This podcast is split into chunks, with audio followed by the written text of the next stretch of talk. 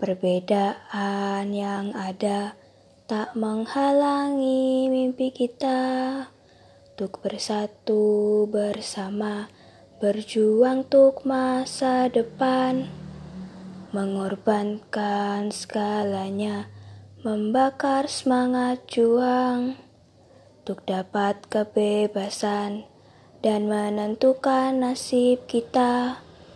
Inilah Indonesia, bangsa perjuangan.